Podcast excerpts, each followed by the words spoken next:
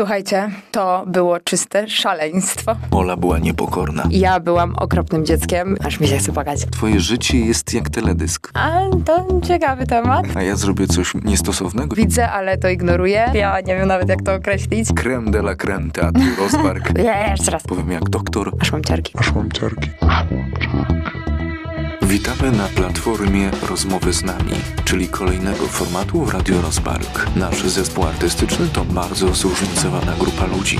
Każdy z nas wnosi swój specyficzny rodzaj energii. Tworzymy wspólnie zróżnicowane pejzaże na scenie Teatru Rozbark w różnego rodzaju spektaklach. Przyszedł czas, aby usłyszeć nasze głosy, spotkać się i porozmawiać. Pomimo tego, że mówi się, że życie to teatr, będziemy wykraczać również poza jego ramy. Zderzenie różnych wszechświatów pozwoli nam wzbogacić swoje odczuwanie, które niejako wpisuje się w istotę funkcjonowania teatru. Radio Rozpark. Proszę Państwa, nasi drodzy słuchacze, ósmy gość, a raczej gościni, bo to Aleksandra Kępińska przed nami. I pozwólcie Państwo, że przedstawię naszą gościnię. Aleksandra Kępińska, absolwentka i stypendystka Akademii Muzycznej imienia Grażyny i Kiejstuta Bacewiczów w Łodzi na kierunku choreografia i techniki tańca. Związana z tańcem od najmłodszych lat, wieloletnia tancerka w łódzkim klubie sportowym DNA Dance Studio. W późniejszych latach choreografka i instruktorka grup reprezentacyjnych. Jej autorska choreografia Sin zdobyła nagrodę Grand Prix podczas ogólnopolskich konfrontacji tańca współczesnego KODA 2022 we Włocławku. Miała okazję współpracować z wieloma wykwalifikowanymi pedagogami i ruchowcami. Witold Jurewicz, organizm, Sebastian Flegiel, Toty, Agnieszka Cygan, Matka Boska Szopienicka. Aktualnie związana z Bytomskim Teatrem Tańca i Ruchu Rozbark, gdzie rozwija swoje umiejętności taneczne i performatywne pod kierunkiem dr Anny Piotrowskiej. To jest ósmy odcinek rozmowy z nami. Witamy bardzo serdecznie wszystkich naszych słuchaczy i co? Rozpoczynamy naszą rozmowę. Aleksandro, dotarliśmy wreszcie, jesteśmy wreszcie na miejscu, wylądowaliśmy. Zaczął się październik, za niedługo nasz teatr wyleci do Istambułu i czuć już trochę tą atmosferę, że zaraz będziemy lecieć. Już coraz więcej tych choreografii w głowach, coraz więcej się dzieje, to napięcie powstaje. Pierwsze moje pytanie, jak się czujesz? I właśnie chciałbym, żebyś powiedziała mi ta koncepcja wyjazdu i lotu do Istambułu. Czy to jest rzecz, która cię stresuje, czy może właśnie, a będzie luzik? Cześć, witam. Czuję się dzisiaj dobrze, choć od jakiegoś czasu prowadzę taki dziennik ciała, naszego samopoczucia i gdzieś tak zaczęłam dostrzegać, że dużo się pojawia tam bólu wpisanego i dzisiaj w końcu czuję, że jest ten dzień, gdzie napiszę, że czuję się dobrze i fizycznie i psychicznie. Nie wiem, czy to kwestia piątku, końca tygodnia. Ale tu mówisz o bólu fizycznym, czy właśnie o jakimś psychicznym? Fizycznym, fizycznym, tak. W sensie, że dużo wzięłam w tym sezonie na siebie i odczuwam to po tym miesiącu ciężkiej pracy i praca tutaj w teatrze i poza i prowadzenie zajęć, warsztatów odbija się po tym miesiącu na moim ciele. Czuję różne przeciążenia, kontuzje i gdzieś tam próbuję z tym walczyć albo zapobiegać, a dzisiaj czuję takie odpuszczenie. I jest dobrze i fizycznie i psychicznie. A co do wyjazdu, na razie jestem bardzo podekscytowana. Chwalę się po prostu na prawo i lewo. Czy stres powoli czuję, tą presję, czasu bardziej, ale gdzieś po prostu to zaufanie do nas, do naszej pracy, do pani Ani jest, więc się nie martwię i myślę, że wszystko będzie super. No to tym pozytywnym akcentem kontynuujemy dalej. Aleksandro, pochodzisz z Łodzi. Łódź to bardzo charakterystyczne miejsce na mapie Polski, raczej pełne stereotypów. Chciałbym zapytać o twoje wspomnienia z Łodzi, bo dla mnie to jest szalenie interesujące miejsce. Czy na przykład, jak sobie porównasz teraz tę Łódź, która funkcjonuje, bo wiem, że cały czas ją odwiedzasz, to powiedz, czy dużo się zmieniło? Czy ten stereotyp Bałuty, Piotrowska, Piot Piotrowska, dobrze.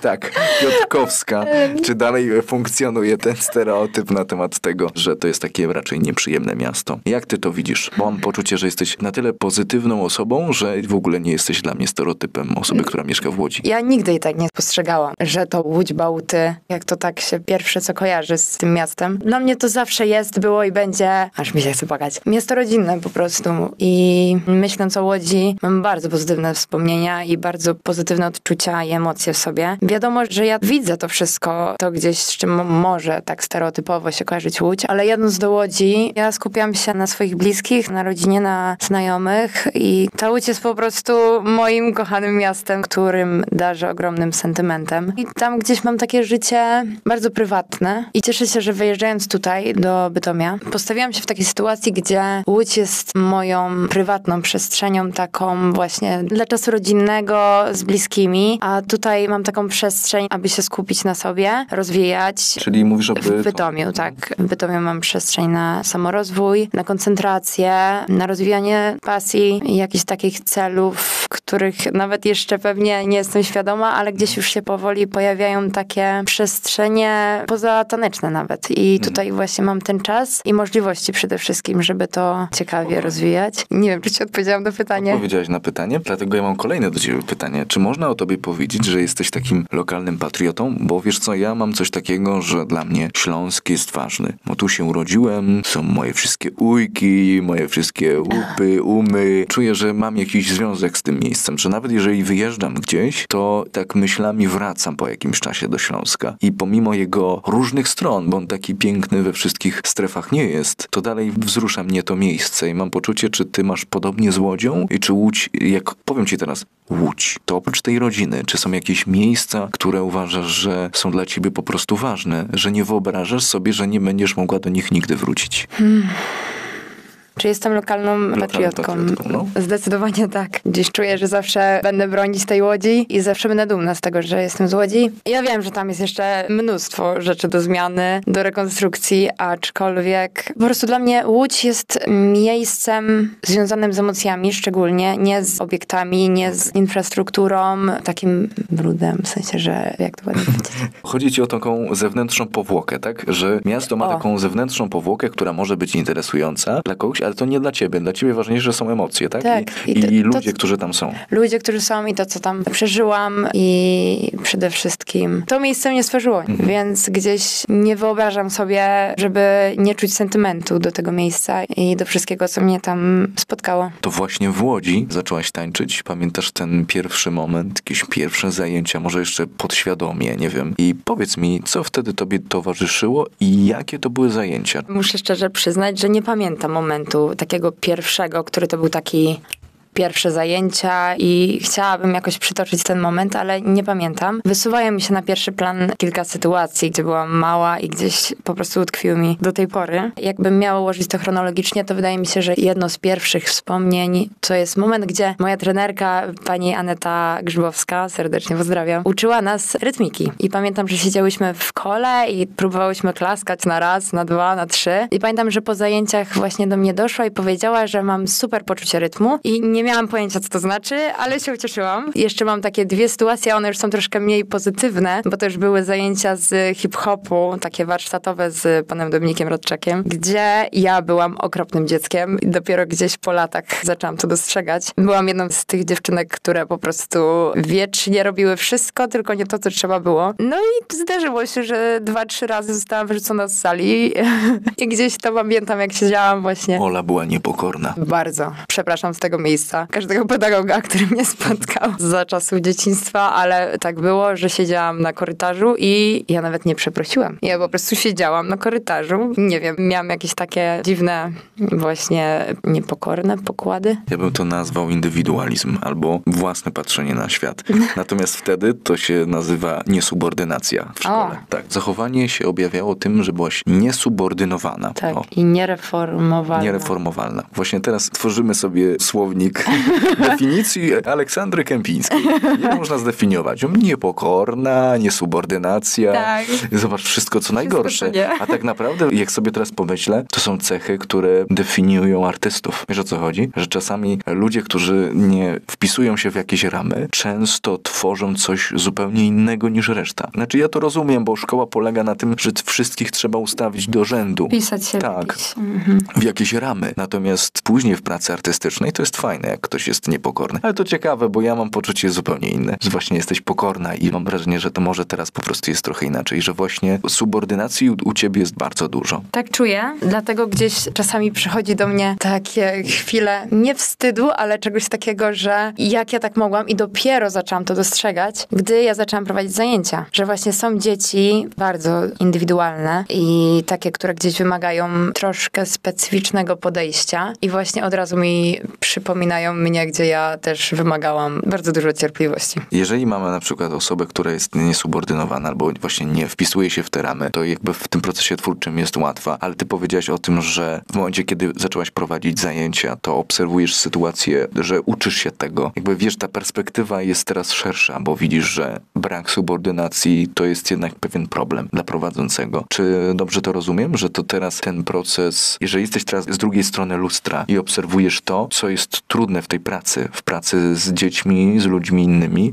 no bo wiesz, jeżeli ktoś jest twórcą niezależnym i robi tylko swoje rzeczy na siebie, no to to jest proste, ale teraz weź i po pierwsze naucz drugą osobę i musisz mieć do niej jakieś specjalne podejście. To też moim zdaniem charakteryzuje dobrych pedagogów, że oni trochę mają pilot do każdej osoby, tak. bo nie można wszystkich obsługiwać tym samym pilotem, a mam czasami poczucie, że pedagodzy by chcieli mieć jeden pilot do wszystkich i wszystkich w tym samym rzędzie wsadzić. Mam poczucie, że teraz jakby to, co mówisz, jest właśnie odpowiedzią na to, że no nie da się wszystkich wrzucić do jednego wora i że trzeba trochę na to się wyczulić. I można powiedzieć, że jesteś na to teraz bardziej, uświadomiłaś to sobie przez te lata pracy z młodzieżą czy z dziećmi? Ja wciąż sobie gdzieś to uświadamiam i właśnie nie określiłabym tego jako problem, ta niesubordynacja u mhm. dzieci. Ja traktuję to bardziej jako challenge po mhm. prostu i sprawdzenie siebie, takich moich pokładów kreatywności. I jest to dla mnie zagwostka, ale podchodzę do tego w sposób bardzo ciekawy. Czym bardziej różnorodny przypadek, tym jest to dla mnie większa motywacja do tego, jak to ugryźć i nie ukrywam, że też szukam rad u bardziej doświadczonych osób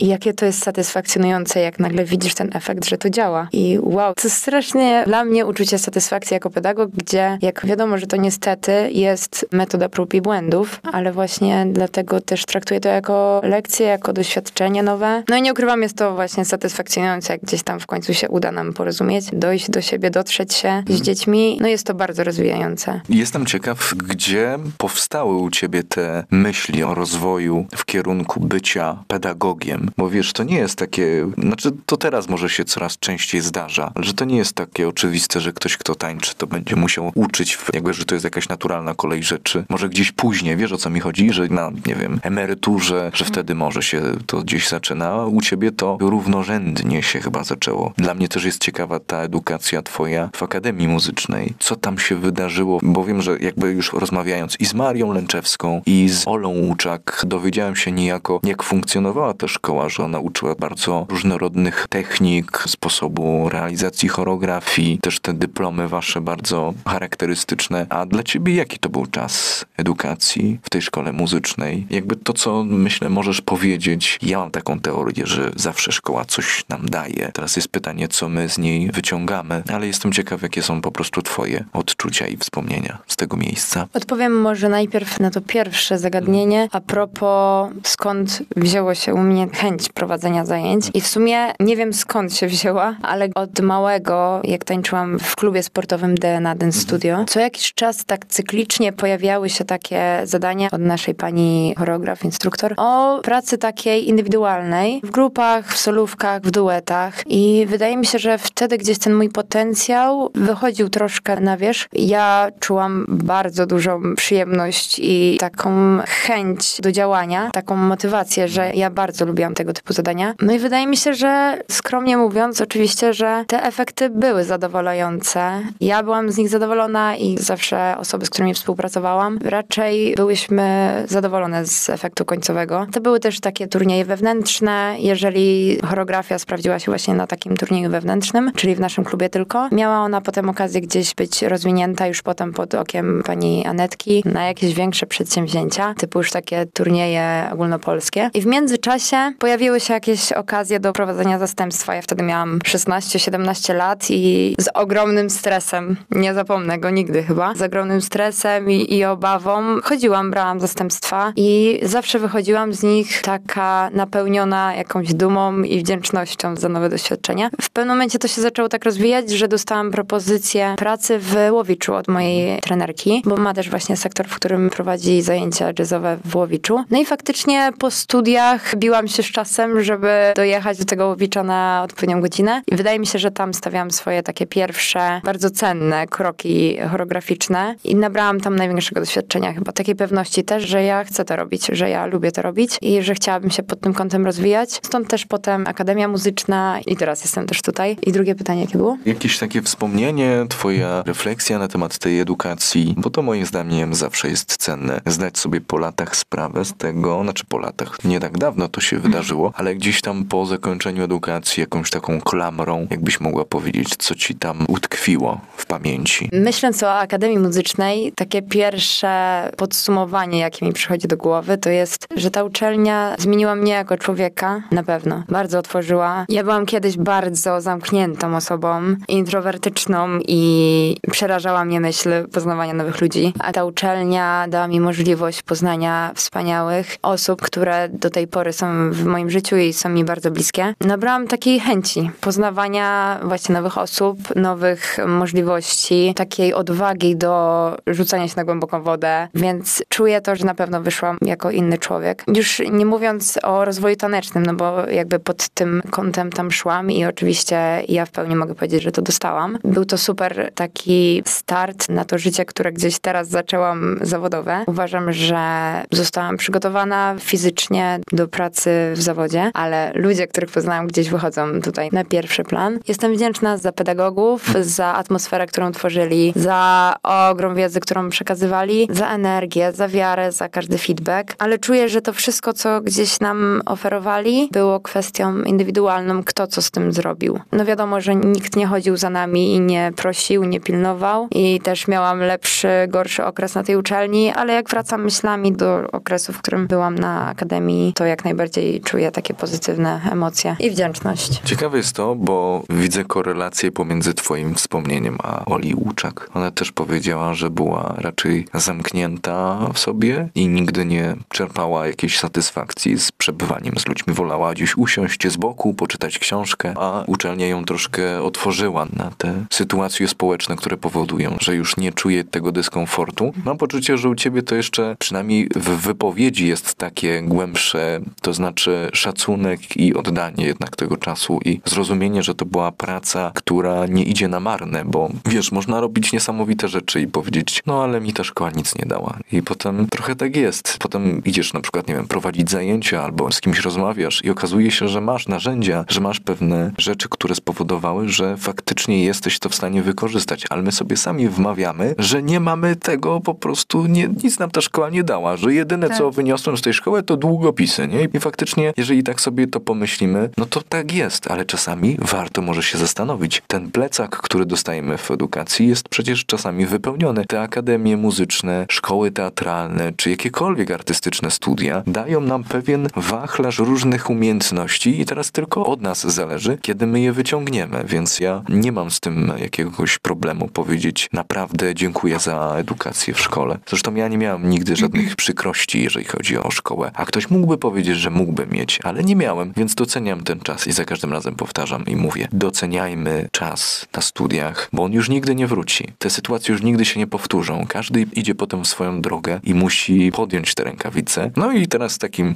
miłym akcentem trzeba powiedzieć, że ty też podjęłaś, no bo jesteśmy teraz aktualnie w Teatrze Rozpark w Bytomiu. Tak, jeszcze chciałam właśnie dodać, że wydaje mi się, że zyskałyśmy wiele rzeczy nieświadomie. No bo nie możemy jakby stwierdzić, jakie byśmy były, gdzie byśmy były, jakie byśmy miały umiejętności, gdybyśmy nie były na tej uczelni wcześniej. I ja czuję, że po prostu po tej uczelni wyszłam i jestem gotowa, aby wchodzić teraz, eksperymentować, szukać, dowiadywać się też o wiele więcej o sobie. Jesteś otwarta teraz Tak, chciałam tak powiedzieć, że przygotowali mnie do tego, że teraz jeżeli ja gdzieś pójdę, to moje ciało jakby jest gotowe, żeby wiesz, wchodzić, nie? I może jakby nie jestem tancerką światowej klasy, ale jestem przygotowana do tego, żeby rozwijać się w tym kierunku. Okej. O, tak chciałam to powiedzieć. Chodzi ci bardziej o to, że jesteś gotowa do tego, aby eksplorować różnego rodzaju zjawiska poprzez ciało. I faktycznie mogę tutaj powiedzieć, że widzę. No. W sensie nie, nie chcę jakby tutaj, wiesz, nic mówić, ale faktycznie widać, że ty jesteś jakby przygotowana do tego, żeby eksplorować. I to w różnych jakościach ruchowych, ale to ja też uważam, uważam, że tu jest też dużo twoich predyspozycji, takich bym Mm. powiedział twórczych, ale to już, in, to już jest inna sprawa. Dobrze, ale wiesz co, nurtuje mnie teraz to. Muszę zadać to pytanie, bo to mnie zawsze fascynowało. To znaczy, uważasz, że edukacja powoduje zamknięcie się na coś, co znamy i wiemy. Na przykład, o, to jest dobre, o, to jest złe. Bo wiesz o co chodzi? Że czasami świadomość tego, co umiem i tego, co wiem, powoduje, że jestem bardziej ograniczony w takim... Bardziej mi chodzi o naturszczyków. Na przykład w aktorstwie tak jest, że ludzie bez szkół czasami dużo szybciej, łatwiej poddają się różnym procesom. I właśnie zastanawiam się, czy... Ja wiem, że ty pewnie powiesz teraz, że tak, jeżeli chodzi o ciebie, to szkoła otworzyła twoje myślenie na temat tego, że już nie masz tych ograniczeń i nie boisz się eksperymentować. Natomiast czasami ma się poczucie, że jest takie stare przysłowie, że najgorszymi widzami są nasi koledzy, są studenci, są profesorowie, bo oni zawsze mają pewien bagaż doświadczeń i świadomie mówią, co jest dobre albo co złe. Mam poczucie, że w teatrze i w tańcu też tak jest czasami. Właśnie zastanawiam się, jak to jest u ciebie. Czy tak, że ty się trzymasz tych ram, czy właśnie nie? Wolisz być otwarta? Bo ja mam poczucie, że mimo wszystko u ciebie jest dosyć mocno analityczne myślenie o ruchu i jesteś bardzo precyzyjna w ruchu i to jest dla ciebie bardzo istotne, więc dlatego to mnie zastanawia. U mnie właśnie to ocenianie artyzmu, sztuki, co jest dobre, co nie, było ciężką kwestią na studiach, bo ja przyszłam właśnie z takim bagażem, że coś jest albo dobre, albo złe. Nie ma nic pomiędzy. I przyszłam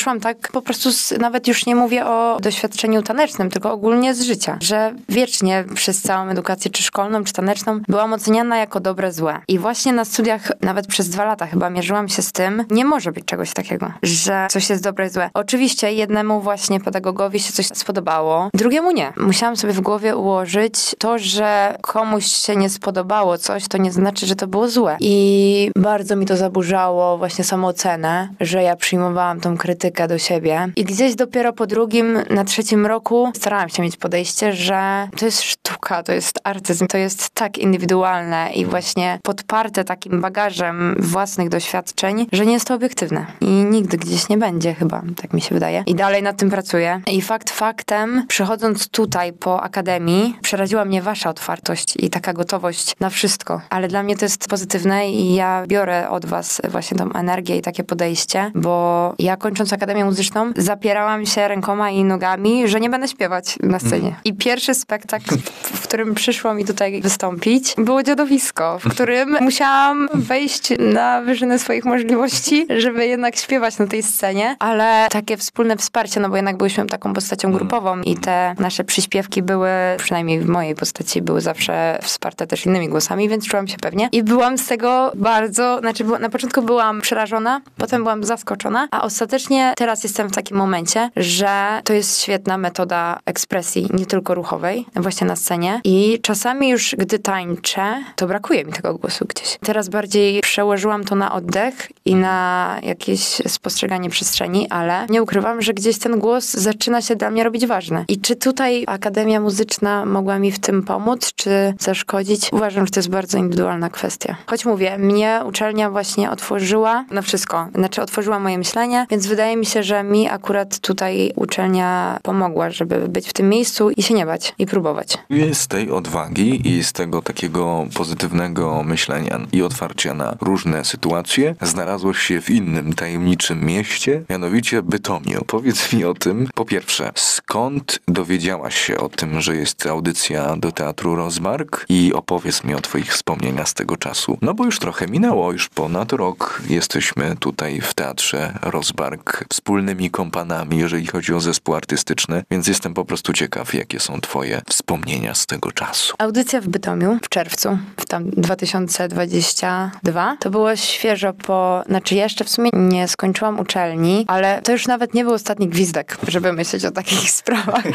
To było strasznie późno już na takie decyzje, ale ja bardzo długo nie wiedziałam, co mam, co mam robić po studiach i dałam sobie tą przestrzeń, że to się wyklaruje. Jak będzie miałoby się wyklarować, to się wyklaruje. No i tak też było. Moja przyjaciółka Karolina z uczelni podesłała mi właśnie link do audycji tutaj w Bytomiu, w Teatrze Rozbark. I temat gdzieś wyszedł na forum właśnie z Marysią i z Olą i podjęłyśmy spontaniczną decyzję, że przyjedziemy tutaj na audycję, zgłosiłyśmy się. Pamiętam, że tańczyłam dyplom i był to dzień, w którym był deadline na zgłoszenie się do Teatru Rozbark i siedzieliśmy w McDonaldzie i faktycznie każda z nas gdzieś tam wysyłała szybko zgłoszenie i parę dni później przyjechałyśmy na audycję. Ja przyjechałam na wariata, wcześniej nic nie widziałam, nic nie słyszałam, Mhm. przyznam się szczerze. Pamiętam na pewno Agnieszkę Kłosińską, która gdzieś tam była naszym koordynatorem. Ja ogólnie mam bardzo słabą pamięć, więc proszę mi wybaczyć, aczkolwiek pamiętam Kamila Bończyka przy drążku na klasyce u Aleksa. mam jego obraz właśnie razem z Aleksem i z Łukaszem. Wtedy jakby nie wiedziałam, kto kim jest i też ja nawet nie mogłam rozróżnić, kto jest na audycji, a kto jest z zespołu. I pamiętam, że to był jakiś taki jeden z y, większych moich epizodów przypływu pewności siebie, gdzie ja ustawiłam sobie takie myślenie, że właśnie tej pewności siebie, że wtedy w siebie nie wątpiłam. Nie wiem, jak to się stało. Wspominam ten moment z taką dużą pewnością siebie wtedy i bardzo dobrą energią. Pamiętam, że wy mieliście taką dobrą energię wtedy pozytywną, że gdzieś ten stres i to, że to jest audycja, mi po prostu się zamazał. Ja się po prostu dobrze bawiłam wtedy i pamiętam właśnie pierwsze spotkanie z panią Anią, które już samo w sobie było wtedy bardzo inspirujące. I pamiętam też rozmowę, każdy z nas miał potem rozmowę z wami i z panią Anią. I pamiętam, że ja zostałam przydzielona do pani Ani i Julki. Już wtedy czułam od Julki taką pozytywną energię. Pamiętam tą rozmowę i co jeszcze pamiętam? Pamiętasz, co tam było w tej rozmowie? Na czym ona polegała? Ta rozmowa była bardzo ogólna wtedy, właśnie o edukację,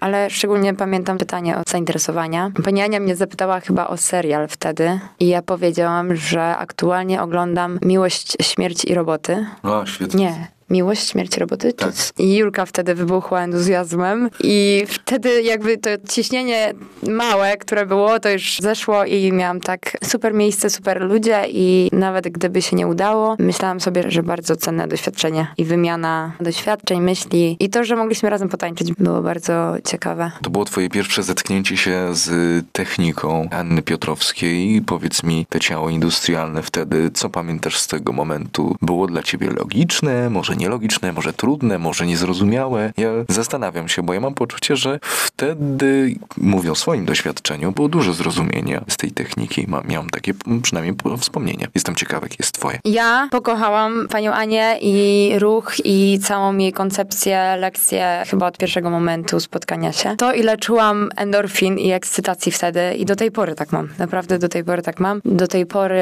gdzieś upewniam się w tym, że kocham to robić. Naprawdę kocham. Gdzieś nie ukrywam, że największą przyjemność sprawiają mi takie koordynacje ruchowe, które są tak szybkie, gdzie ja jestem świadoma mojej umiejętności dość szybkiej pamięci ruchowej, to one dalej mi sprawiają trudność i jestem tutaj już drugi rok i są dla mnie wyzwaniem. I tego mi bardzo brakowało na studiach, że nie miałam takich ekscytujących wyzwań, bo wiadomo, że spotkałam wiele trudności i wiele problemów i gdzieś, no, momentów, z którymi sobie nie umiałam radzić, ale wtedy nie czułam takiej ekscytacji w tym, że, że ja chcę je pokonać. A teraz czuję u pani Ani na zajęciach wyzwanie, które z radością podejmuję. Rozumiem, że dalej jest ekscytacja i dalej jest jakieś takie pełne zaangażowanie twoje i to prawda, zgadzam się z tym, ale jestem ciekaw, co się w tobie zmieniło, w twoim ciele, bo ja mam takie jedno przemyślenie, ale jestem ciekaw, co ty powiesz. Śmiesznie, że o to pytasz, bo wczoraj znalazłam swój filmik z domu, który nagrywałam, gdy był COVID. I najpierw załamałam się,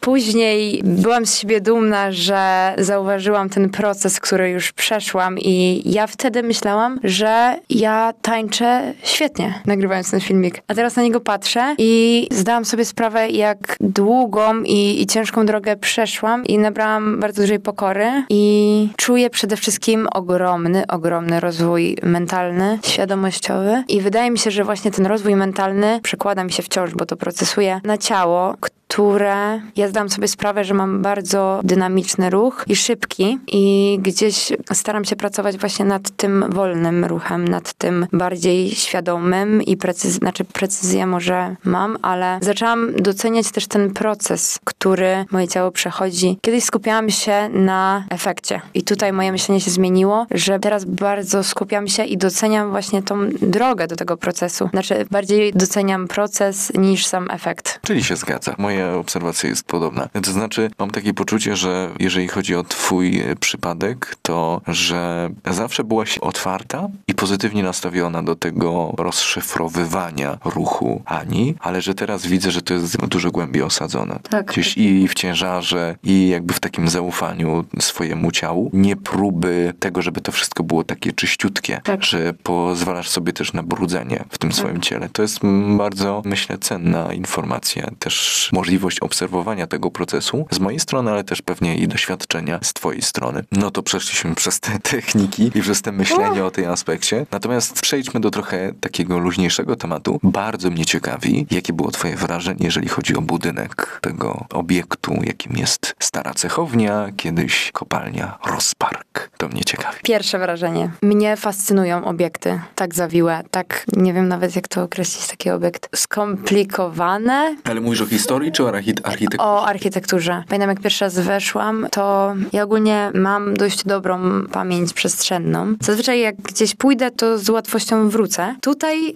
no, zmierzyłam się z takim wyzwaniem, ale do tej pory mnie fascynuje ten budynek. Wiem, że jest jeszcze mnóstwo pomieszczeń, które są zamknięte i przechodząc koło nich, ja zastanawiam się, ciekawe, co jest za tymi drzwiami, bo wydaje mi się, że już akurat większość mam rozplanowanych w głowie, aczkolwiek są zakątki tego obiektu, które są jeszcze mi nieznane i dalej mnie fascynują. Ciekawe, że o tym wspominasz, bo i Maria Lęczewska i Ola Łuczak wspominały o tym, że się tu gubiły, szczególnie na dole, tam w tych takich wąskich korytarzach i nie wiadomo gdzieś w lewo, a gdzie w prawo, a potem jak wrócić i po jakimś czasie gdzieś ta pewność obiektu i przestrzeni się pojawiała, ale na początku po prostu było dosyć trudno nawigować tutaj w tej przestrzeni, że tak powiem. Czyli już wiemy, jakie jest twoje pierwsze wrażenie od tej strony zewnętrznej, od tej strony cielesnej, dlatego teraz troszkę może encyklopedia Teatru Rozbark. Czym jest ciało industrialne? My tu jak mantra powtarzamy, dlatego sformułuję prawidłowo te pytanie. Czym dla ciebie jest ciało industrialne? Ciało industrialne. Industrialność mi się pierwsze co kojarzy z moją łodzią,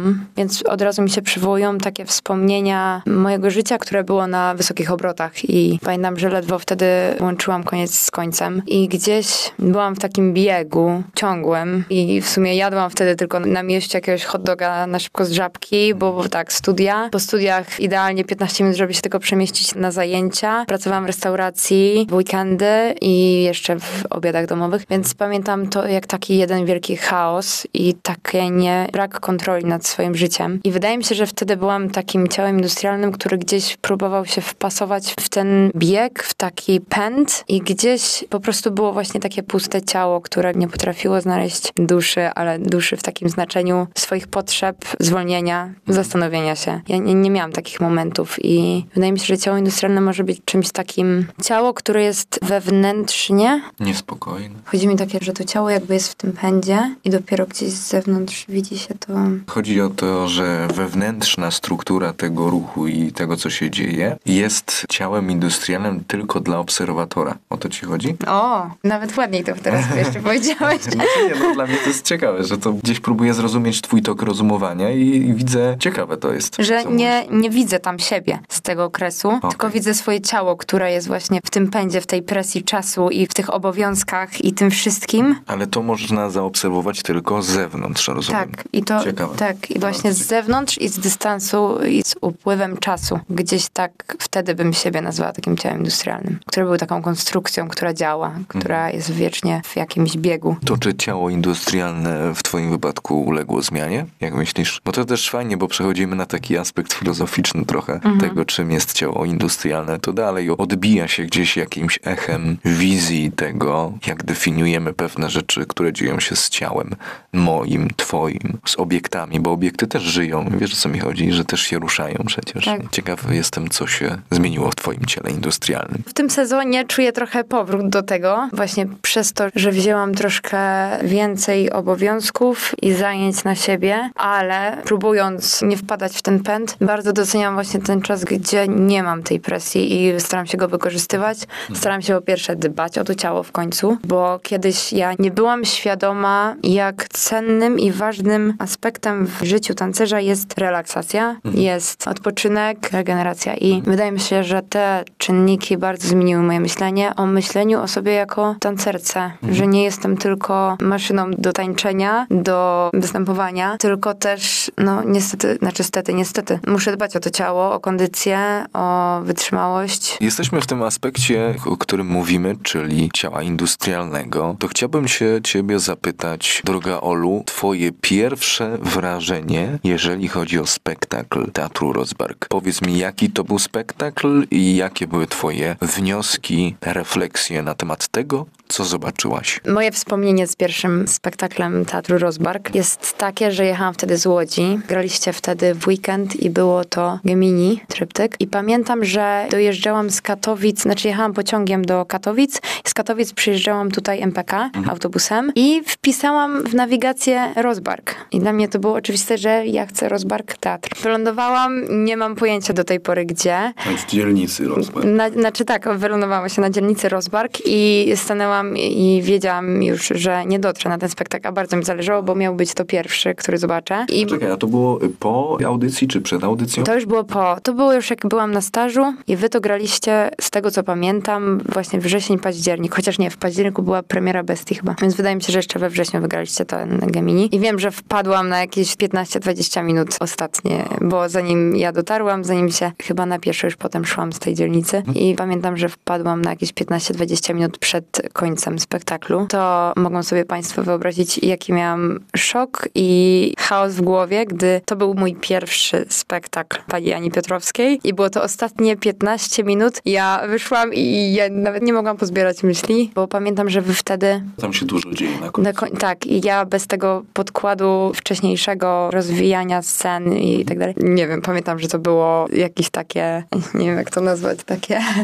Uderzyło cię to, tak? Tak, Nie. tak, tak. W sensie, że nawet ja nie wiedziałam, co mam o tym myśleć, bo ciężko mi było jakkolwiek to zrozumieć, a tym bardziej bez wcześniejszego, a taki całościowy spektakl, który obejrzałam, no to właśnie były Bestie, premiera w październiku i byłam, jestem i będę zachwycona. Jest to chyba mój ulubiony spektakl pani Ani i zespołu. Obejrzałam go łącznie już jakieś 8-9 razy i regularnie znajduję takie niuanse, detale, które mnie cały czas fascynują, szokują, intrygują. Wydaje mi się, że ten mechanizm, ta czynność nie ma końca, to zaskakiwanie. Właśnie bardzo doceniam to, że można wchodzić głębiej i głębiej i głębiej i jakby to dno się nie kończy.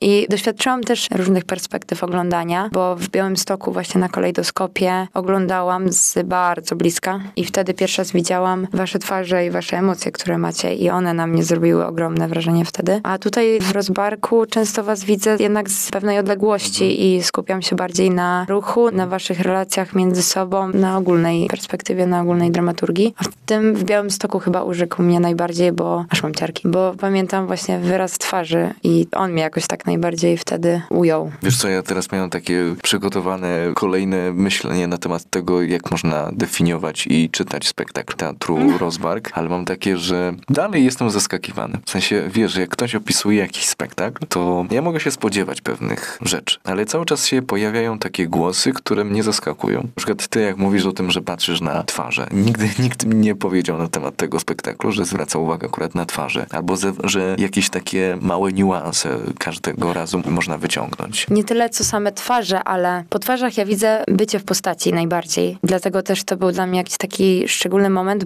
ponieważ miałam okazję wtedy być najbliżej ze wszystkich razy i tam widziałam wasze wejście w postać od samego początku do samego końca. A ja tutaj może też zwracam na to uwagę, ponieważ ja mam taki problem, że po pierwsze moje skupienie, że ja często się wybijam, a w tym spektaklu w Białymstoku właśnie ja widziałam, że wy mieliście ten proces w głowie od samego początku do końca. Nie widziałam tam takiego jakiegoś momentu niepewności, jakiegoś momentu myśli takich prywatnych, tylko te postaci, które budowaliście i one mnie tam ujęły i widziałam po prostu to na twarzy najbardziej, na spojrzeniu. Myślę sobie, że to, co jest charakterystyczne, jeżeli chodzi o te zadania, które mieliśmy w tym spektaklu, czyli ten akt obserwacji, ale też wyczulenia na siebie, to jest też ciekawe to, co mówisz na temat tworzenia postaci, bo bo mam poczucie, że akurat w tym spektaklu jest postać zbiorowa. To znaczy, nawet jeżeli jesteśmy podzieleni gdzieś na różne jednostki, mhm. to mimo wszystko to się składa na jakąś jedną postać, którą wszyscy razem mielimy. Nawet jeżeli mamy ten podział, nie? Na ojca, na Bruno, na Szulca, jakby, że jest to jakieś rozgraniczenie, jest ta infantka, którą gra Julia, to jakby takie wzajemne czucie się tej hordy bestii, albo jakbyśmy to inaczej mogli nazwać, te wyczulenie powoduje, że kreuje się postać zbiorową. I to jest też ciekawe, że, tak. że jesteśmy przyzwyczajeni do teatru, w którym każdy jest bardzo zindywidualizowany i w tym spektaklu również, ale że to czasami ten obraz nie wiąże się ze sobą. A mam poczucie, że w tym spektaklu te wszystkie postacie są ze sobą bezpośrednio powiązane i tworzą razem pewien tak. świat, w którym my możemy po prostu jako widzowie uwierzyć, ale my jako osoby, które występujemy w tym spektaklu również. Tak. Nie wiem z czego to wynika, ale mam poczucie, że to jest właśnie ten rodzaj wyczulenia,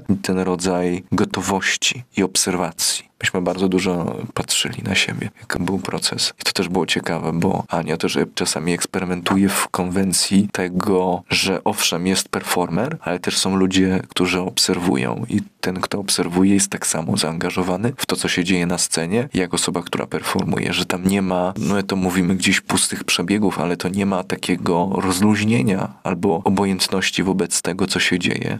Mam poczucie, żeby świat, który tworzymy, był realistyczny, to w każdy w tym świecie musi żyć. I to jest mhm. też ciekawe, bo dziś klasyczny teatr przyzwyczaja nas do tego, że ktoś schodzi, ktoś wchodzi, ktoś ma swoje partie, ktoś się pojawia, ktoś znika, a jak jesteś cały czas na scenie i eksplorujesz kreowanie tego świata bez przerwy, to nie ma tego czasu na wyjście poza tę strefę i że ten świat za każdym razem już jest. Wiesz o co chodzi? Czasami Ania u nas mówi coś takiego, my go nie tworzymy na nowo, on już trwał i trwać będzie i że nie ma tego momentu rozpoczęcia i zakończenia, że my cały czas jesteśmy w tym działaniu, mhm. że one się dzieje cały czas, jest na tej samej amplitudzie i może się nigdy nie kończyć. Zresztą te słowo pralka to jest, myślę, gdzieś takie słowo wytrych u nas w teatrze, ale one też dobrze oddaje, mam poczucie, ten rodzaj myślenia. Proszę się usto, usto, ustosunkować się do tej wypowiedzi. Napok myśli, ale tak myślę nawet a propos tego, że to trwa wciąż i się nie kończy i tak. dwa spektakle, które miałam okazję współtworzyć z zespołem i z panią Anią. To jest właśnie Dziadowisko i Fast Food Fools. I w moim odczuciu te dwa spektakle, właśnie one trwają, one się nie kończą. Te zakończenia są tak, że one nie są zamkniętym zakończeniem. Ja mam wrażenie, że schodząc z tej sceny, ja mogłabym jakby od początku zaczynać, że to nie ma takiej uciętej historii. I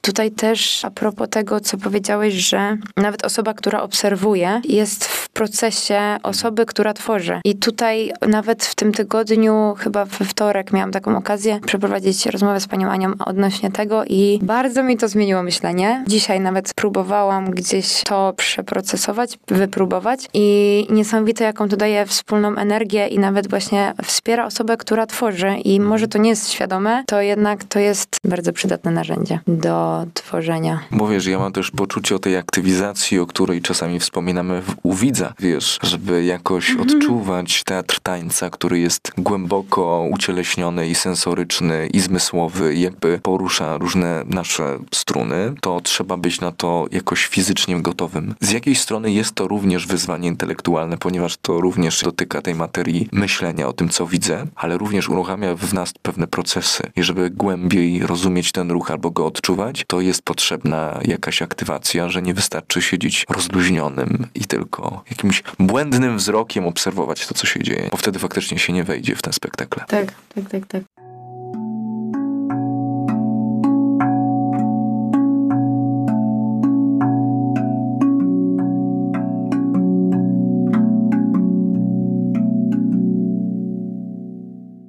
Pa, pa, pa, pa, pa, pa, pa, pa.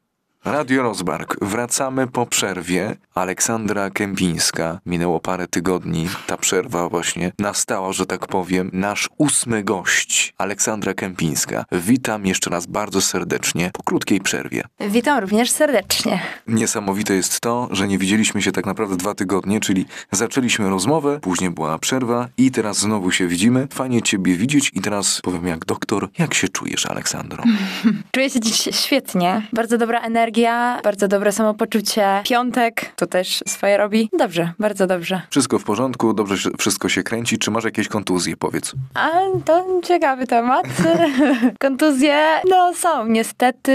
Czuję ból w odcinku lędźwiowym, ale byłam wczoraj na saunie, pod kontrolą wszystko, więc mam nadzieję, że będzie dobrze. Czyli można powiedzieć, że trochę sauna tobie pomogła. Wrócimy teraz do naszego tematu, który był wcześniej. Nie wiem, czy my go skończyliśmy, bo trochę go przesłuchałem sobie. Mianowicie zakończyliśmy na ciele industrialnym. Chyba wydaje mi się, że nic więcej nie mamy do dodania w tej kwestii, ale to, co najbardziej mnie interesuje, to to, że zaczynaliśmy ten wywiad jeszcze przed wizytą w Istambule, w Turcji. Jestem ciekaw o twoje wrażenia, wspomnienia z Turcji. Chcę, żebyś zrobiła taką małą widokówkę nam tutaj, naszym wszystkim słuchaczom. Jaka była twoja energia przed bo wiem, że byłaś bardzo podekscytowana, pamiętam tę energię, a jestem ciekaw, co zostało w twojej pamięci, jeżeli chodzi o wyjazd na zachód Turcji. Troszkę mnie to przeraża, że ta odpowiedzialność za podsumowanie tego wyjazdu spadła na mnie, ale postaram się sprostać, bo często mam tak, że nie potrafię ubrać słowa emocji i przeżyć, które mi towarzyszyły, które mi towarzyszą również po takim wydarzeniu. Na ten moment to, co mi wysuwa się na pierwszy plan z tego wyjazdu, jest integracja z ludźmi z zespołu. Czuję, że zbliżyliśmy się do siebie, poznaliśmy się troszkę bliżej. zespole, że my sami ze sobą. Tak, tak, my nawzajem. Czuję, że ten wyjazd był bardzo potrzebny w takiej kwestii relacji między nami i był to dla mnie bardzo intensywny wyjazd pod względem przeżyć, eksploracji takiej miasta, społeczności. Dużo się działo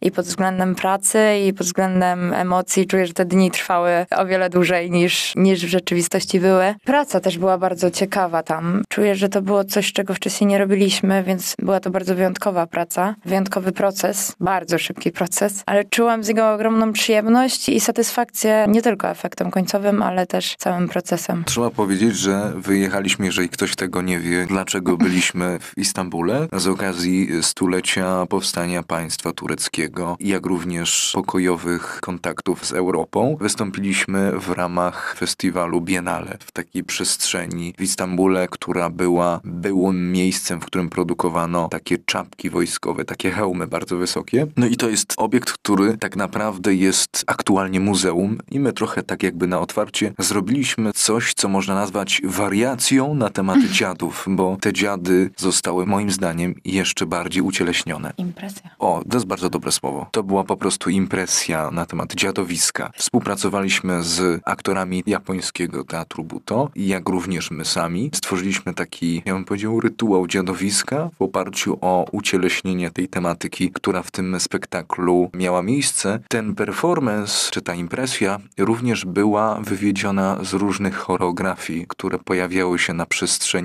różnych spektakli, więc to był taki kolaż tego, ktoś by mógł powiedzieć creme de la creme teatru Rospark w jednym miejscu, więc to było na pewno bardzo ciekawe. Powiedzmy na wstępie, to co mi wysuwa się na pierwszy plan, to jakie emocje tobie towarzyszyły podczas tej pracy, albo powiedzmy podczas samego spektaklu, bo wiem, że to był taki bardzo mocny moment dla nas wszystkich, myślę, bo wreszcie udało się zwieńczyć coś, na co bardzo długo czekaliśmy, bo wielomiesięczna praca w zasadzie głównego koordynatora, czyli Mateusza Kowalskiego, do tego, żebyśmy mogli jednak pojechać. Z tego co wiem, to trzy instytucje pracowały na to, żeby mogły się znaleźć środki na nasz wyjazd. No i nasz zespół artystyczny i reżyseria i choreografia Anny Piotrowskiej, która była również odpowiedzialna za tą warstwę artystyczną wtedy w tym miejscu. Jestem ciekaw po prostu, jakie są twoje wrażenia, jeżeli chodzi o sam performance. Na razie, a potem przejdziemy do ulic. Słuchajcie, to było czyste szaleństwo. Ta adrenalina, która mi towarzyszyła, wystrzał emocji wszelakich i ta ciekawość widza mnie tak napędzała. Ostatnio też bardzo dużo procesuję w sobie tworzenie postaci i próbuję tworzyć wewnętrzny monolog. Była to dla mnie też szansa właśnie na sprawdzenie takich zagadnień i tak jak powiedziałeś, jakby ta satysfakcja już z efektu, z dopięcia tego projektu, poczucie ogromnej satysfakcji i podziwu w stronę poczynań Mateusza, który to dopiął i był bardzo zdeterminowany, żeby to się udało. I Bardzo długi czas nie byłam w stanie uwierzyć, że, że nam się to uda i w momencie, gdzie faktycznie dopięliśmy swego, byłam pod ogromnym wrażeniem i dumą i wdzięcznością przede wszystkim dla wszystkich, którzy się do tego przyłożyli i dla nas za pracę, za determinację i za gotowość, i otwartość i zaufanie do pani Ani. Trzeba powiedzieć przede wszystkim, i to jest moim zdaniem najważniejsze, że spotkało się różne kultury, bo spotkała się kultura gdzieś właśnie turecka, japońska i polska. To jest w ogóle jakiś totalny tygiel, który po prostu jest taką mieszanką, myślę, wybuchową, ale mimo wszystko te światy gdzieś się, mam wrażenie, ze sobą spotkały i nie doszło do żadnej takiej kolizji niebezpiecznej moim zdaniem, chociaż trudności oczywiście, jak wszędzie, zawsze się mogą pojawiać. Ciekawe jest to, że przecież nasze dziedowisko jest oparte o drugą część dziadów. Co ciekawe, to z tego co wiem, serce Adama Mickiewicza znajduje się właśnie w Istambule, więc tu kolejna rzecz, taki kolejny odnośnik do tego, co się działo. Ja też trochę doczytałem, jeżeli chodzi o, o tę kwestię i okazuje się, że Adam Mickiewicz szukał ruchu narodowo-wyzwoleńczego właśnie w Turcji, bo tam jako jeden z nielicznych krajów wtedy na świecie nie uznał rozbiorów Polski. Że my dalej byliśmy traktowani jako po prostu samodzielna jednostka, dzięki czemu była szansa na to, że uda się namówić Turcję do tego, żeby bronić polskości. To jest też takie Mm. ciekawe. A Adam Mickiewicz w ogóle nie zmarł? W Tak, zmarł w Istambule, natomiast jego szczątki zostały przeniesione na Wawel. Taka mała historia. Rozmowy z nami uczą i bawią. Dobra, dość tych dygresji. Powiedz mi, jakie wrażenie na tobie zrobiła sama Turcja? dość zmienne. Ja tą Turcję wspominam głównie przez ludzi, z którymi pojechałam i tą energię, którą mieliśmy i chęć, ciekawość zobaczenia tego wszystkiego, zwiedzenia, poznania. Sama Turcja, jeżeli chodzi o ludzie, ja miałam takie wrażenie, że mieli delikatny dystans do nas, do mnie. Nie chcę tutaj mówić za nas wszystkich, ale czułam takie zdystansowanie i traktowanie nas stricte jako potencjalnych klientów, jeżeli chodzi o właśnie bazar czy o sklepy, że nie wiem, u nas w Polsce jest jakaś taka większa ciekawość człowieka drugiego, jeżeli chodzi o sprzedawców. Tam jakby byłam tak traktowana, tak mi się wydaje, może źle też odbierałam, ale Jako taki po prostu byłaś traktowana jako taka osoba, która przychodzi z pieniędzmi. tak, I tak, ona, tak. i, a dobra, masz pieniądze, to ja ci coś zaraz sprzedam. To tak? jest rozmowa, rozmowa. Na przykład Tak. na tym bazarze miałam taką sytuację. O, że z Polski, że pierogi. Tak. A oczywiście, że Robert Lewandowski. A jak już grzecznie podziękowałam i powiedziałam, że muszę podziękować za zakupy, ten ton od razu się zmieniał. Aha. Tam już było takie... "Mhm, A, no dobra. dobra. Już y, było, inny człowiek nagle się pojawiał. A powiedz mi, jeżeli chodzi o ten aspekt komunikacyjny, bo wydaje mi się, że po prostu też turecki jest takim specyficznym językiem, gdzie mam wrażenie wszystko brzmi inaczej, że nawet nasze słowa, które my znamy, mogłoby się wydawać, że proste poproszenie o czarną kawę, black coffee, że to jest coś naturalnego, a coffee to nawet nie dla wszystkich jest zrozumiałe. No i że ten, ta bariera językowa była duża, ale mam poczucie, że oni próbowali to zrozumieć. Mam poczucie, że w ogóle ci Turcy, których poznałem, że są bardzo tacy trochę zdystansowani, ale też tacy skromni, bym powiedział poczciwi, chociaż to też nie jest może dobre słowo, ale że tacy no po prostu trochę wstydliwi, chcący być właśnie uprzejmi, ale właśnie wydaje mi się, że to ma związek z tym, że jednak jesteśmy obcokrajowcami, że trochę inaczej na nas patrzą przez to. Jak pytasz mnie też o te bariery językowe, ja gdzieś cały czas myślę o tym bazarze, bo tam chyba miałam najwięcej styczności z ludźmi. I było różnie, bo były osoby, które posługiwały się angielskim i dało się z nimi skomunikować, ale natrafiłam na dwie, trzy osoby, które niestety nic po angielsku, tylko po swojemu i tak wydaje mi się, że oni nawet nie próbowali za bardzo. Stwierdzili, że jeżeli nie mamy narzędzia do komunikacji, to po prostu się nie dogadamy i oni odpuszczali. I ja się pytałam, do you speak English? I było no. I jakby tracili zainteresowanie, że nie zależało im wtedy akurat, żeby się ze mną dogadać. Ja mam też takie poczucie, że nawet wchodzenie czasami na język migowy wcale nie pomagało. Że, to, Tak. że nawet na tej barierze, no bo wiesz, czasami jest tak na świecie, że pokażesz coś albo coś zilustrujesz, to okazuje się, że można się dogadać, a tutaj właśnie, bo nawet na tym poziomie był problem. Tak. Nie, nie żebyśmy narzekali, to było po prostu jakieś wyzwanie, z którymśmy musieliśmy zmierzyć. Tak, ale teraz jeszcze tak myślę, że może to był też jakiś... Ludzie jak nie umieją się porozumieć w tym samym języku, może mają jakiś strach albo obawy. Bo ten migowy też czasami jest taki, Jest taki niezręczny. tak. czasami. Może też oni po prostu przez jakąś obawę nie chcieli spróbować się dogadać. Ale jeszcze chciałam tutaj napomnieć też sytuację bardzo ciekawą i którą wspominam też z uśmiechem, gdy usłyszeliśmy, że na szóstym piętrze jest wesele. Więc z panią Anią i z Julią dziwnym trafem się tam znalazłyśmy. I kelnerzy byli bardzo otwarci, żeby nas zaprosić, wręcz nas tak zachęcali. I ludzie, którzy byli gośćmi i, i pani młoda z panem młodym, w sumie pana młodego chyba nie wiem, który to był, bo głównie na parkiecie były panie i one były bardzo szczęśliwe, żeby tam byłyśmy. Na początku też czułam troszeczkę taki, nie mogłam wyczuć, czy to jest dobre, czy nie, że my tam jesteśmy, ale w momencie, gdzie już mnie zaprosiły do środka koła i uczyły mnie swoich ruchów, bardzo ciekawe, że były otwarte i że tak chętnie nas przyjęły do swojego grona. A to było wesele, więc ciekawe. Może teraz popełnię jakieś totalne pas, ale to myślę, że jeszcze jest kwestia zrobienia researchu na ten temat, ale wydaje mi się, że wesele tureckie wygląda w następujący sposób, że osobno bawią się kobiety i osobno bawią się mężczyźni. Ja wiem, że na tej sali również byli mężczyźni, Tak. ale zauważ, że bawiły się tylko kobiety. Tak. Że tam jest ten podział i ciekawe właśnie w którym miejscu, a może to był potem inny dzień, gdzie bawili się mężczyźni. To też jest taki jasny komunikat w tamtej kulturze, że jest to rozdzielenie pomiędzy mężczyzn a kobiety, więc to było odczuwalne. Nie dam sobie ręki uciąć, ale wydaje mi się, że tam w pewnym momencie dwóch panów się pojawiło na parkiecie. A, okej.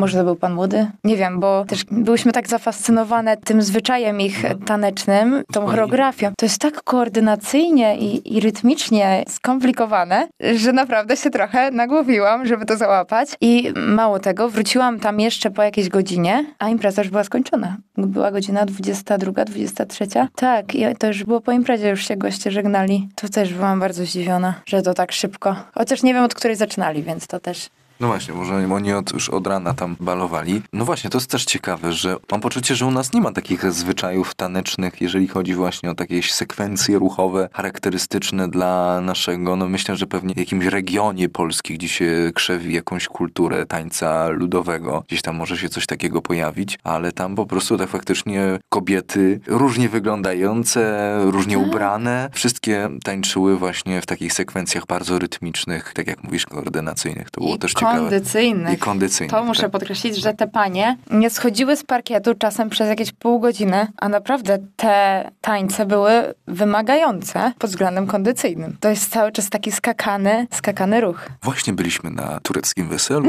Przechodzimy dalej. Powiedziałaś mi, to jest ciekawe, powiedziałaś mi o takich stronach pozytywnych, o trochę negatywnych, a ja właśnie chciałbym jeszcze bardziej podrążyć ten temat tego, co cię pozytywnie zaskoczyło w Turcji. Czy są takie rzeczy? To mnie ciekawi bardzo. Kebab! Kebab! Co mnie pozytywnie zaskoczyło? Hmm. No kebab. Kebab.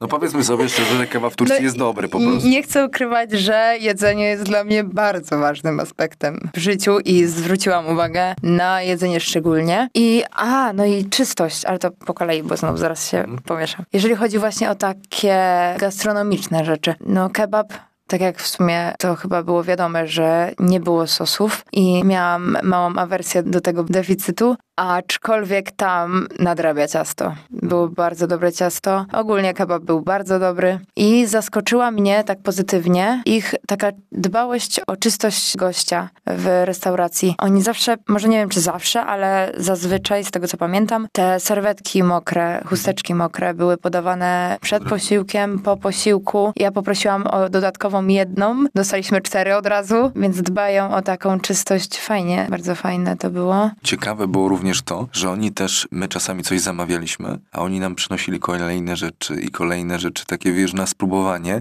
że czasami Tak. bycie tym turystą nie jest wcale takie złe, bo okazuje się, że mogliśmy popróbować tak naprawdę za darmo różnych innych przystaweczek takich, które oni tam podają. Miałam. Tak, to prawda, że też może doceniają to właśnie, że jesteśmy turystami i że gdzieś chcą się podzielić tym swoim światem z nami. Tak, to było bardzo, bardzo ciekawe. Osobny temat w ogóle transport w Turcji, który jest moim zdaniem zdaniem po prostu prawo dżungli. Tak, jak ja, ja jako dziecko byłam w Egipcie z tatą, to tam chyba było tylko gorzej.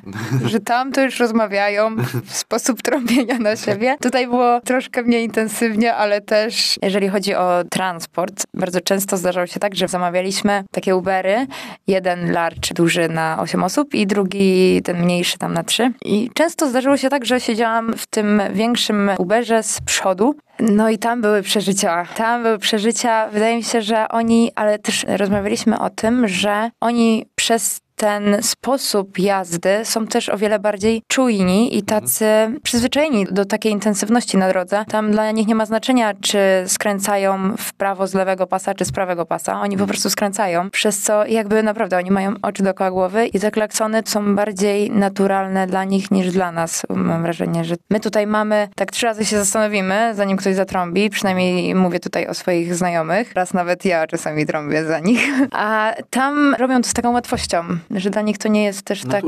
Tak, i też odbierają też trochę inaczej, nie? Że na nas jak ktoś zatrąbi, to, Jezus, to albo przerażeni, już jest stres, a tam jest tak, że trochę to tak jest taką codziennością. Dlatego też lubiłam sobie spokoju siedzieć na tym balkonie i obserwować to z góry, co tam się dzieje. Te skutery, no tam nie ma, nie ma chyba zasad po prostu. A z tego co wiem, to wcale się nie przekłada na jakąś ogromną ilość wypadków. Oni po prostu się adaptują bardzo szybko do pewnych warunków mhm. i ta adaptacja powoduje, że oni są przyzwyczajeni przyzwyczajeni do różnych niebezpiecznych sytuacji. Okazuje się, że my w momencie zagrożenia jesteśmy czasami bezsilni, bo nie jesteśmy w ogóle przygotowani na taką ewentualność. I myślę, że czasami po prostu wystawienie się na jakieś takie niebezpieczeństwo powoduje, że my jesteśmy w stanie zareagować, bo przyzwyczajamy swój sposób jazdy do jakichś warunków, które się odbywają na drodze, a u nas jest taka, no, musi być bezpieczna odległość, musimy zachowywać się spokojnie na drodze, a tam jest zupełnie odwrotnie. Jeszcze ciekawym aspektem było pierwszeństwo dla pieszych. Hmm. Że u nas jest tak, że jak ktoś już się zbliża do pasów, hmm. albo nawet czasem pasów nie ma, ktoś się zbliża, wydaje mi się, że jesteśmy bardzo ostrożni i uważni i gdzieś mamy na piedestale tego pieszego. Oni natomiast czasem, i, i pamiętam, że my wybiegaliśmy na tą ulicę i zatrzymywaliśmy ich ręką, bo nie dało się nigdzie przejść i reakcja była taka, że oni w sumie dalej jechali. Niechętnie się gdzieś tam zatrzymują i przepuszczają pieszych. Tak, to właśnie jest sytuacja, że to pieszy musi uważać i musi tak. się starać o możliwość przejścia i nie ma żadnego pierwszeństwa pieszy, po prostu prawo większego, nie? No, to jest ta stara zasada. Tam, I szybszego. I szybszego tak naprawdę, nie? I zawsze pamiętam informację od Mateusza Kowalskiego. Przechodźcie zawsze za autem, nigdy przed, za autem przechodzimy. Instrukcja. Kończymy właśnie nasz program podróżniczy. Dowiedzieliśmy się sporo rzeczy na temat twoich wrażeń, jeżeli chodzi właśnie o Turcję. Myślę, że to jest ten moment, kiedy możemy dać kropkę i powiedzieć dziękujemy ci Turcjo, za te możliwości i dziękujemy za to, że mogliśmy tam być. Natomiast my idziemy dalej, bo ja mam kolejny... O, jeszcze masz coś... Aleksandra jeszcze ma coś do dodania. Nie, bo chciałam, żeby tam dodać jedno zdanie. Super jest taka wymiana odczuć bez znajomości języka. Tyle. Amen.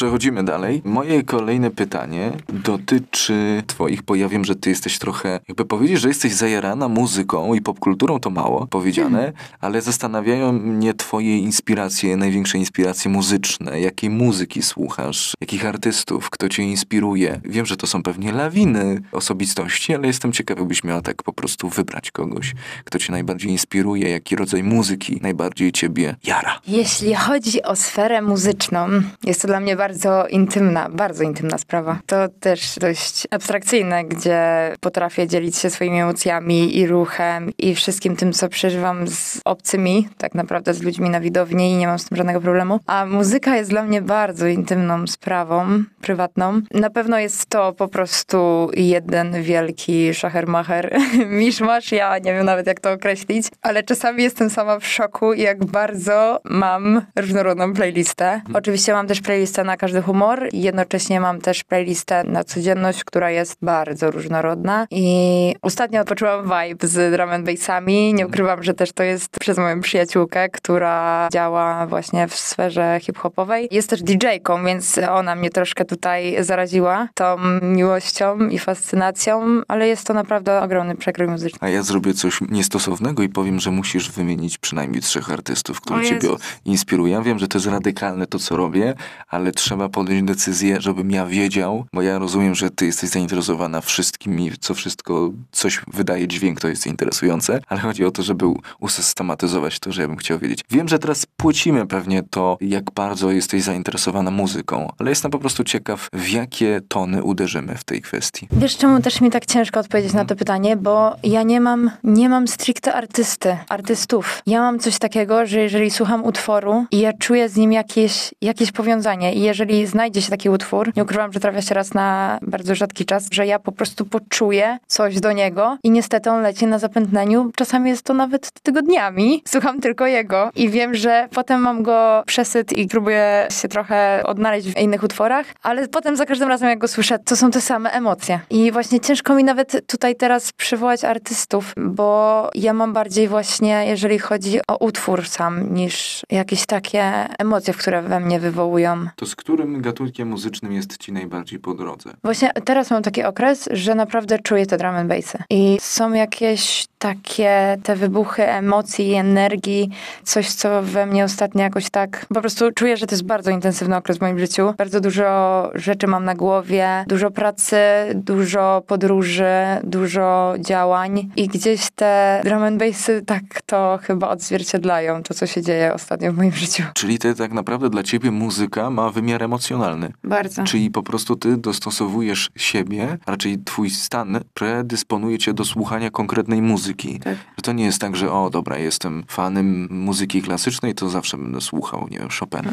Tylko po prostu jesteś otwarta na to i dotyka to bezpośrednio twojego stanu ducha, tak? Tak, Czyli nie wiem jak to, jak to nazwać, że po prostu mam czasem jakąś relację z utworem, że Mhm. ona w jakiś sposób określa to, co czuję dokładnie w tym momencie i bardzo często jest tak, że przez przypadek odnajduję utwór, który idealnie właśnie odzwierciedla to, z czym się aktualnie zmagam, to w jaki sposób się czuję, to co nawet czasami jest tak intensywnie, że są dokładnie opisana jakaś relacja z kim, co mam i Mhm. w utworze jest to jakoś zawarte, tak, bardzo emocjonalnie podchodzę do muzyki, bardzo. Czyli ty po prostu, można powiedzieć, i to też będzie radykalne, powiem, twój stosunek do muzyki jest taki, że twoje życie jest jak teledysk. Wiesz o co chodzi? Że często jest tak, że teledysk odzwierciedla to, jaka jest muzyka, nie? I że Mhm. twoje życie jest takim teledyskiem, w którym ty grasz i ta muzyka ciągle jest obecna tam z tyłu. Żeby ktoś patrzył z zewnątrz na twoje życie i włączył sobie ten gatunek muzyczny, to zauważyłby relację do tego, co się dzieje. Tak, dokładnie. Często sobie wyobrażam, jakby wyglądał trailer do mojego życia.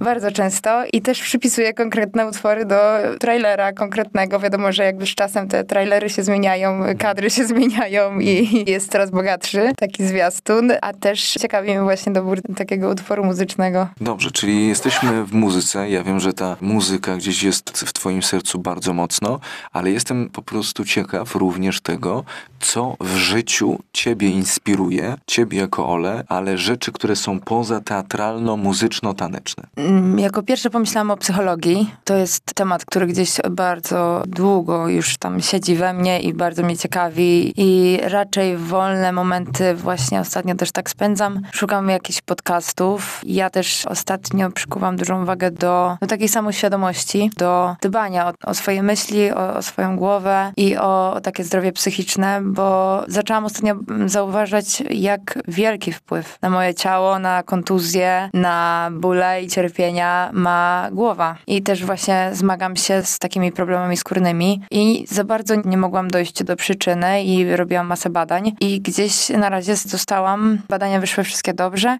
i zostałam prawdopodobnie z diagnozą, że jest to jakieś psychosomatyczne, więc zagłębiam ten temat w chwilach wolnych i rozwijam się również w montażu, więc jest tutaj dobrym narzędziem Instagram dla mnie. Znajduję sobie właśnie profile, które gdzieś inspirują mnie pod względem właśnie tworzenia filmów, koncepcji, reżyserii. Mam takich dwa albo trzy profile, które naprawdę są dla mnie bardzo fascynujące. I ostatnio też zaczęłam działać w tym kierunku. Nagrywam przyjaciół, znaczy próbuję, proszę przyjaciół właśnie o pomoc. Nagrywam nocami jeszcze, jak mam siłę, to siedzę i próbuję to odzwierciedlać. Jest to bardzo mozolna praca i bardzo czasochłonna, więc jest to bardzo długi proces i rozwijam go w takim, nie wiem, sporadycznie, nieregularnie. Co jeszcze byś chciał wiedzieć? To powiedz mi, bo mam jeszcze jedno takie pytanie. Wymieniłaś wiele rzeczy, wiele zjawisk, rzeczy, które ciebie inspirują. A powiedz mi teraz, co ty robisz w wolnym czasie, jeśli on istnieje? Albo co na przykład byłoby ciekawe, jeżeli chodzi o... Jestem ciekaw po prostu, co Aleksandra Kępińska robi we wolnym czasie, jeśli on w ogóle istnieje? Jak już istnieje, to na pewno spędzam go sama. Uspokajam się wtedy, tak odpodźcowuję. Oczyszczam jakoś głowę, to na pewno. Lubię bardzo się tak zamykać czasem w mieszkaniu i po prostu, żeby była cisza i spokój. Ostatnio też zagłębiam temat skincare, czyli takiej troski o cerę, więc takie kosmetologiczne rzeczy mnie też bardzo fascynują i interesują. No i porządek. Jak już jest wolna chwila, ja ogólnie i tak już mam w nawyku, że nawet jak nie mam wolnego czasu i nawet jak się śpieszę, to i tak muszę wyjść z mieszkania, które jest posprzątane. Ja się czuję czasem jakbym było kogoś obcego, że tak, gdzie nie pójdę, co nie zrobię, to zaraz to muszę odłożyć na miejsce, bo czuję się wtedy bezpiecznie i tak też robię. A w wolnej chwili, no to, to oczywiście sprzątam, bo w tygodniu robię takie podstawowe rzeczy typu zmywanie, ścieranie łóżka. Też nie wyjdę z mieszkania, jak nie pościerę łóżka. A są takie rzeczy, wiadomo, które potrzebują więcej czasu, więc jak już jest ten wolny czas, to pierwsze, co to mam w głowie, okej, okay, to może, może dzisiaj posprzątam szafki w kuchni.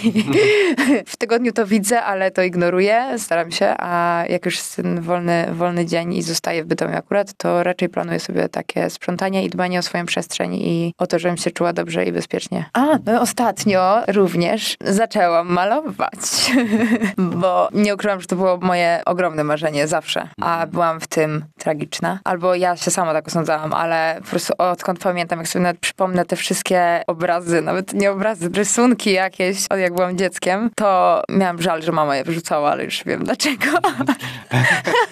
Było to moje ogromne marzenie, żeby nauczyć się malować i w pewnym momencie już uwierzyłam w to, że człowiek nie jest w stanie się nauczyć malować, albo to ma, albo tego nie ma. No ale nie ukrywam, że Julia Lewandowska mnie tutaj zainspirowała i powoli stawiam malutkie kroczki z YouTube'em, żeby coś w tym kierunku robić i spełnić swoje marzenie.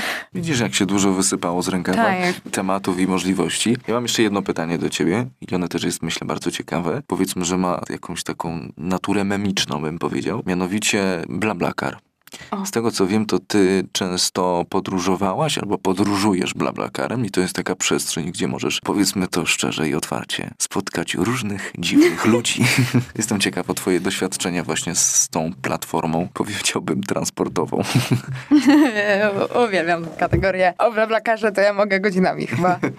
Korzystam z blablakara mniej więcej cztery razy w miesiącu w jedną stronę, więc jest to około 8. No zależy, czy jadę do Łodzi, czy nie jadę, czy zostaję w domu. Ostatnio od września był to bardzo intensywny czas i byłam bardzo często w Łodzi, więc ten blablakar jest dla mnie bardzo wygodną i tanią opcją na transport, szybką i wygodną przede wszystkim, że jest to ktoś, z kim mogę się skomunikować i ustalić jakieś takie dogodne miejsce dla nas, dla obu stron. I często ludzie po prostu są życzliwi, naprawdę są życzliwi, że są w stanie zrozumieć bardzo wiele. Ja też nie ukrywam, że trochę jestem wymagająca, bo często jest tak, że oni zjeżdżają z autostrady i tylko zatrzymują się na najbliższej stacji, która jest przy autostradzie, dalej nie pojadą. Ja wiadomo, że tutaj bytem mam problem, bo za bardzo nie mam jak się z tej autostrady potem przedostać do domu. Byłoby to na piechotę, a po ciemku często wracam wieczorami, więc po prostu jest to niebezpieczne. W Łodzi wiadomo, że już czy siostra, czy mama, czy przyjaciółka, ktoś jest w stanie się dostosować do kierowcy. A jeżeli chodzi o tą zabawną kwestię, nic mnie tak nie otworzyło chyba. Może studia bardziej, ale naprawdę BlaBlaCar czuję, że bardzo mnie rozwija tak jako człowieka pod względem poznania drugiego człowieka. Że jestem jednak zamknięta kilkunastą osobom, z, czasami z kilkoma, w jednej przestrzeni przez około półtorej godziny, dwie. I na początku podchodziłam do tego tak, że okej, okay, nie muszę z nikim rozmawiać i będzie w porządku. Ale ludzie bardzo często potrzebują tej rozmowy jako kierowcy. Oni też często pokonują dłuższą trasę niż ja. Ja jestem gdzieś tam tylko towarzyszę w jakimś konkretnym odcinku na przykład. I naprawdę oni łakną rozmowy. Jest to dla nich na pewno jakieś zabicie czasu, który płynie i nawet kilka razy zdarzyło się tak, że tak się zagadaliśmy, że po prostu przejechaliśmy zjazd i trzeba było zawracać.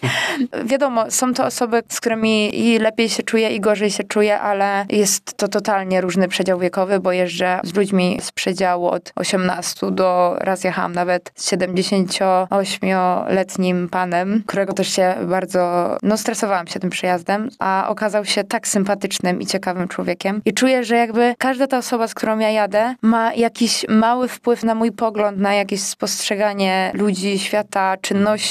To jest tak różnorodny świat, który ci ludzie mi tworzą w głowie. I właśnie taka szansa zagłębienia, nawet poznania. Czasami nie wiedziałam, że istnieją takie zawody, takie czynności, zajawki, które ludzie mają. Właśnie jedna dziewczyna też mi została w pamięci, bo powiedziała, że jest fizjoterapeutą zwierząt. Też miałam zdziwienie. Taką fascynację oczywiście. No w większości są to osoby, które pracują stricte za kółkiem, jeżdżą, pokonują trasy tak, zawodowo. No są to osoby też młodsze. No nawet patrząc na to, że mieszkam w Bytomiu, więc Śląsk jest dla mnie czymś nowym i czymś nieznanym, to ci ludzie tworzą dla mnie jakiś taki pęk tutaj na Śląsku, że ja nagle znam, że ktoś pracuje w teatrze rozrywki, ktoś jeździ na taksówce, ktoś tutaj na Śląsku zajmuje się, o ostatnio poznałam też panią, która zajmuje się śpiewem ludowym, z tego co pamiętam, że są to też i artystyczne takie działania, Jeden pan miał kapelę rockową i też jechaliśmy i faktycznie puszczał, ja mu powiedziałam, że ja mam tak różnie, jeżeli chodzi o taki gatunek muzyczny, ale pokazał mi takie, że faktycznie niektóre sobie dodałam do playlisty, więc jeszcze bardziej wzbogaciło mój gust muzyczny. Czuję, że po prostu to wszystko naprawdę jakoś wpływa na, na mnie i na, na mój światopogląd. No co mam powiedzieć, Olu? Bardzo ci serdecznie dziękuję za twoją obecność tutaj w studiu. Dziękuję ci za ten odcinek. Bardzo było fajnie się tutaj spotkać. Cieszę się, że mogłem cię poznać w tych rejonach, o których nie wiem, albo nie miałem okazji po prostu je zobaczyć. Dla mnie ten program, jeszcze teraz tutaj taki moment refleksji, pokazuje mi,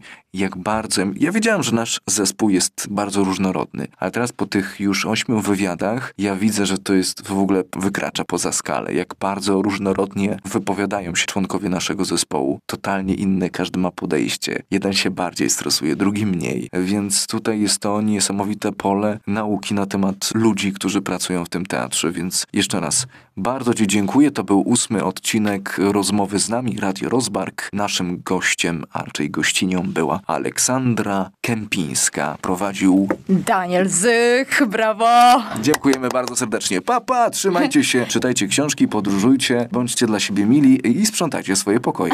Ja również bardzo, bardzo dziękuję. Jestem bardzo wdzięczna za tą możliwość. Tobie, Danielu, i pani Ani za inicjatywę. Mam problem troszkę z przekazaniem oczywiście tego, co czuję i z zebraniem tego w jakieś zrozumiałe, logiczne zdanie, ale jestem bardzo, bardzo wdzięczna. Dziękuję. Tak, jeszcze raz wszyscy ci, którzy nas teraz słuchacie, dziękujemy wam, że jesteście. Piszcie, rozmawiajcie. Do mnie dochodzą różne feedbacki na temat tego, jak prowadzi się nasze radio, więc dziękujemy za każde słowo. Wielkie dzięki wszystkim słuchaczom naszego radia. I wielkie, wielkie dzięki dla Sabiny Letner. Brawo, kochani. Tak, ona robi tutaj świetną robotę. Te materiały są po prostu do słuchania dzięki właśnie jej pracy, więc bardzo dziękujemy. No i co pozostało powiedzieć? Do usłyszenia w kolejnych odcinkach. Pa, pa! Ciao!